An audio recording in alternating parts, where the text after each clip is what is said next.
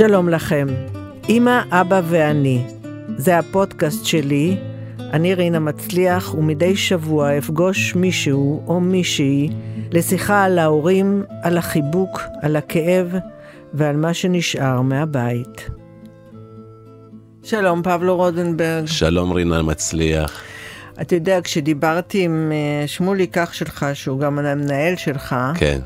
שאני רוצה לדבר איתך בפודקאסט שלי על ההורים, אז הוא כתב לי, רינה, וואו, אני מרוסק מגעגועים להורים שלי. כן. לא חושב שיעבור לי אי פעם. היום קמתי בחמש אחרי חלום איתם, ולא הצלחתי להירדם שוב. קודם כל זה נכון מה שהוא כתב לך, ולשמחתי זאת הפעם הראשונה שהוא חלם חלום חיובי עליהם. כל השנים האחרונות הוא חולם חלומות אה, שלא טוב להם. אתה חולם עליהם? אני חולם עליהם הרבה, ואבא שלי תמיד צוחק, ואימא שלי שמחה, כאילו. אבל אה, עוצמת הגעגועים שלי היא בלתי נסבלת גם בגלל שאני בן אדם אה, של אה, לגעת ולחיות ביום יום. זיכרונות נשארים בראש וזה, אבל אני לא אוסף ממורביליה. אין לי כמעט תמונות, אין לי כלום. כלום. לא, גם שלי, נגיד, יש אנשים, יש להם את הדיסקית של הצבא, תעודת לידה, סיום תיכון, השכפ"ץ, כל מיני, אני, אני לא אוסף, אני לא אוהב. אין לך שום חפץ של אימא שלך, של אבא שלך? לשמוליק יש. אני לא, לא נתפס בדברים שהם... אה, את יודעת, אנשים עושים יותר מדי עניין מאוטו, קונים אוטו, מבריקים אותו כל יום, זה fucking חתיכת פח. לא, אנשים... אבל אני למשל, בארון שלי תלויה שמלה של אימא שלי. אני יכול להבין, אני, זה לא עושה לי. הבן אדם לא שם, לא, לא אוהב ללכת לבית הקברות, כי הם לא שם גם. זה dust in the wind, מה? ההורים שלך היו נאהבים? מאוד, ממש. כאילו, אני חושב שכל המקום הזה שאני מחפש את הזוגיות והאהבה ואת התא המשפחתי, זה משהו שלקחתי מהם. וגם כשיש משברים, וגם להם היו מן הסתם הרבה, הם אף פעם לא חתכו ונפרדו, כמו היום. היום אה, השטות הכי קטנה, טוב, יאללה, אני הולך, אני ממשיך הלאה. איזה זיכרון הכי חזק יש לך מאבא שלך? אה, זה דווקא זיכרון אה, שהייתי עכשיו אצל הפסיכולוג, אז נזכרתי במשהו, אני חושב שהייתי בן שנה ושמונה חודשים, שאבא לוקח אותי על הידיים ושר לי שיר ליד המקרר. אימא שלי במטבח ושמוליק היה בארסל, כבר תינוק קטן. אבא שלי היה רופא, אבל כשהוא היה גיטריסט וזמר מתוסכל, הוא היה מלחין מנגינות, אבל הם היו לחנים נוראים. אבל אני זוכר את השיר הזה שהוא עשה, צ'רין צ'ן צ'ירן צ'רין צ'ן צ'ירן צ'רין צ'ן צ'ירן צ'רין צ'ן צ'ן. וזו תמונה שחקוקה לי של, של אבא, אימא, אני ואח שלי. וזה מבחינתי זה הדבר הכי חשוב בעולם. אבל הפרידה ממנו הייתה קשה. כן, לא, הנה עשית לי צמרמורת עכשיו. כן, כי זה בא באבחה, אתה לא מתכונן. עם מי מאוד התכוננו, ידענו שהיא צריכה... לא הספקת להיפרד ממנו? מאבא לא. הוא, הוא נהרג בתאונת דרכים במעבר חצייה בפנקס, את בוכה כבר. ואני עברתי שם כשהייתה התאונה כמה דקות אחרי.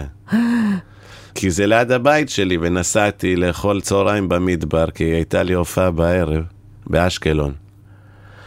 וכשישבתי במדבר, אז אמא שלי התקשרה, אמרה לי שאבא לא חזר כבר שעה ומשהו מהסופר. ואז, את יודעת, רינה, אני קפצתי, אני הבנתי שזה... אמרתי לה, תקשיבי, הייתה תאונה, אתה ראית את בא. התאונה לא, ולא אני- ידעת מה... אני ראיתי את שני האמבולנסים ושסגור שם ויש מלא, ואני ו- אמרתי, ולא ידעת מי אז המשכת לא. למסעדה? פה בצד שמאל זה המעבר חצייה וזה חסום. והסתכלתי, אמרתי, אוי ואבוי, משהו לא טוב קרה פה. והמשכתי, ואז הבנתי, וחזרתי מהר, והזעקתי את שמוליק, את כל האחים שלי. שמוליק היה בהליקון, הוא ישר נסע לאיכילוב. אני הגעתי לזירה, וזה בלי לדעת שזהו, אגב, רק מהתחושה. וכשהגעתי חזרה לזירה, אז הרמתי את הזה ונכנסתי, אז איזה שוטר אומר לי, רוזנברג, מה אתה עושה פה? אז אמרתי לו, אני חושב שזה אבא שלי, שהיה פה, אז האחד אומר, אוי ואבוי, כאילו. ואז ראיתי את המשקפי שמש שלו, שאני קניתי לו זרוקות שם, שבורות. פבלו, אז לא, לקחתי אותם, לא, אז לא אמרתי. כן, אמרתי, אוקיי, זה אבא שלי. אמרתי, איפה, מה? אמרו לי, לקחו אותו לאיכילוב. ואז שמוליק, אחרי חצי שעה, הוא התקשר, אני בינתיים הספקתי לבוא לאימא שלי, ואז הוא התקשר, אמר לי, פאפי מת.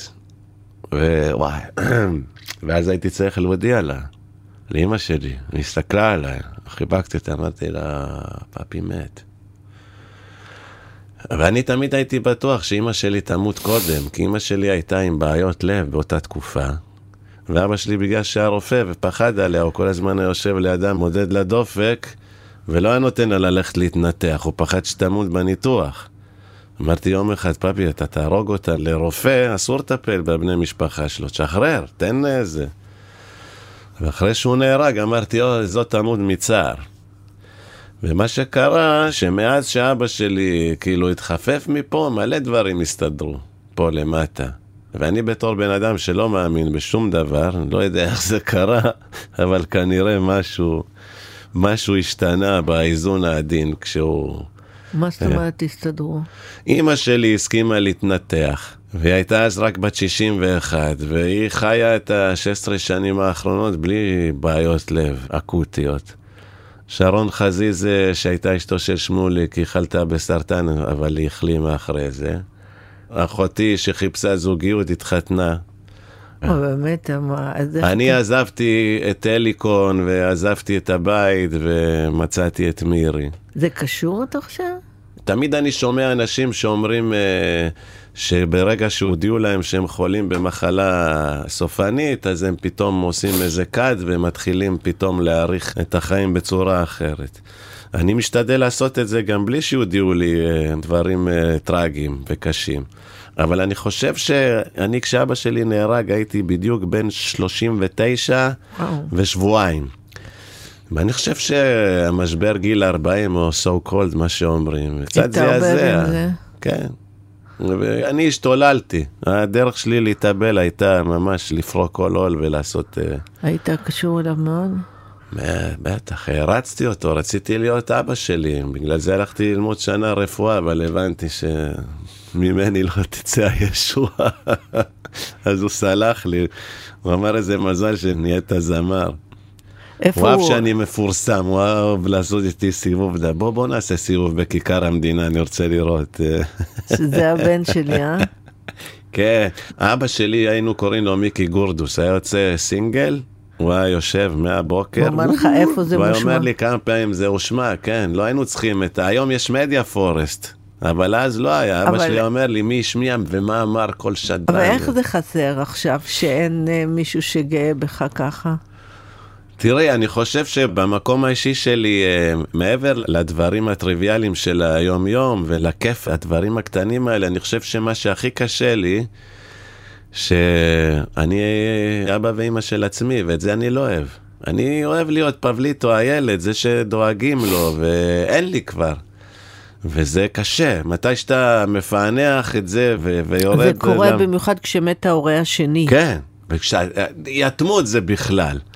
כל עוד אימא הייתה עד לפני שנתיים, אז... אה, אה, רק לפני שנתיים? כן, זה נראה אתמול.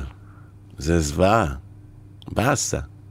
אז זה עדיין לא עובר הקטע, כאילו, הטלפון של הבוקר. אה, נכון, זה מדהים.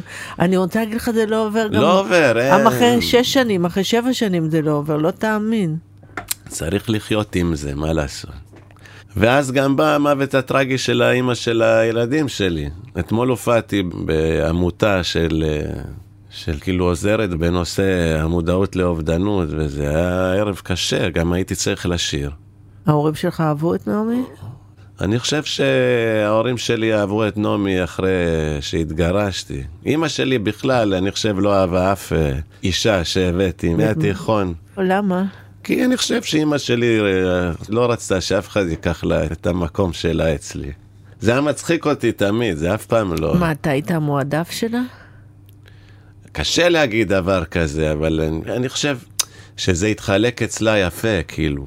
העדפה. נגיד אילן, שהוא נולד קצת עם בעיות נשימה, אז היא דאגה לו במקום אחר. ושמוליק, שמבחינתה הוא היה השני והיותר מופנם וזה, אז היא יותר החזיקה אותו ושמה אותו לידה. לי היא נתנה להתעופף, כמו שרציתי.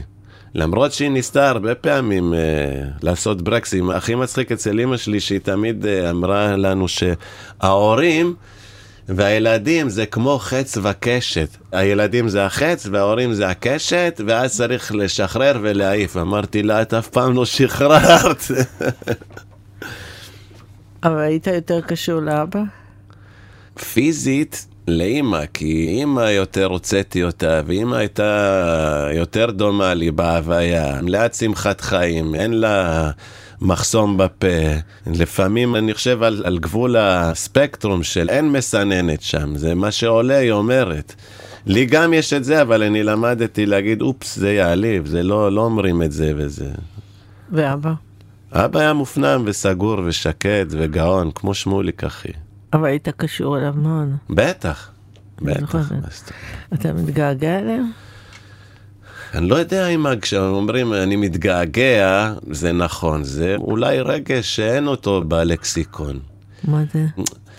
החיסרון הזה של היעלמות לנצח, של דמויות כל כך חשובות ואהובות בחיים שלך, זה כאילו... זה משהו שלקחו ממך ושמו את זה באיזשהו מקום ואתה כל הזמן מנסה לחפש. איך אני אסביר לך? כאילו אני מחפש את אפיקומן, אבל לא תמצאי את זה לעולם. אי אפשר להשלים את החסר הזה. כאילו, את מתהלכת בעולם עם חלק אחד פחות בפנים. ומתי יש בעיקר את הגעגוע הזה? או את הדבר הזה שאתה אומר כל יום בבוקר. בבוקר? בבוקר שאני מתחיל את היום. אחר כך אני שם את זה מאחור, אני מטשטש את זה. אבל בבוקר. אני בן אדם של בוקר, ואני שרוף על החיים. אני תמיד אומר, אם אני אמות, לא כשאני אמות. אז מירי אומרת לי, מה זה אם אתה תמות? אמרתי לה, לא בטוח שאני אמות, אני כל כך אוהב לחיות, שזה לא בטוח. אז בבוקר אני אומר fuck it, כאילו, רוצה עכשיו אה, לקבוע איתם, לעשות משהו, אבל אין. אתה בוכה לפעמים? הרבה. אני אוהב לבכות. אבל נגיד לפעמים כשאתה חושב עליהם, נגיד כשקורה לך משהו טוב במיוחד או רע במיוחד, אז זה קטע כזה שבא לך שהם יהיו איתך. זה כן, להתייעץ, אין עם מי להתייעץ, אבל אני חושב שהכי פעמים אני בוכה פתאום כשאני שומע איזה שיר מסוים, ופתאום זה מפעיל לי, ואני מתחיל לבכות באוטו, ומירי אומרת לי, מה, מה קרה, מה קרה? אני אומר לה, מתגעגע. זה פתאום שובר אותך. קשה. אבל מה לעשות, זה החיים. נכון. זה הבנתי מזמן, שאיזשהו יום זה יקרה.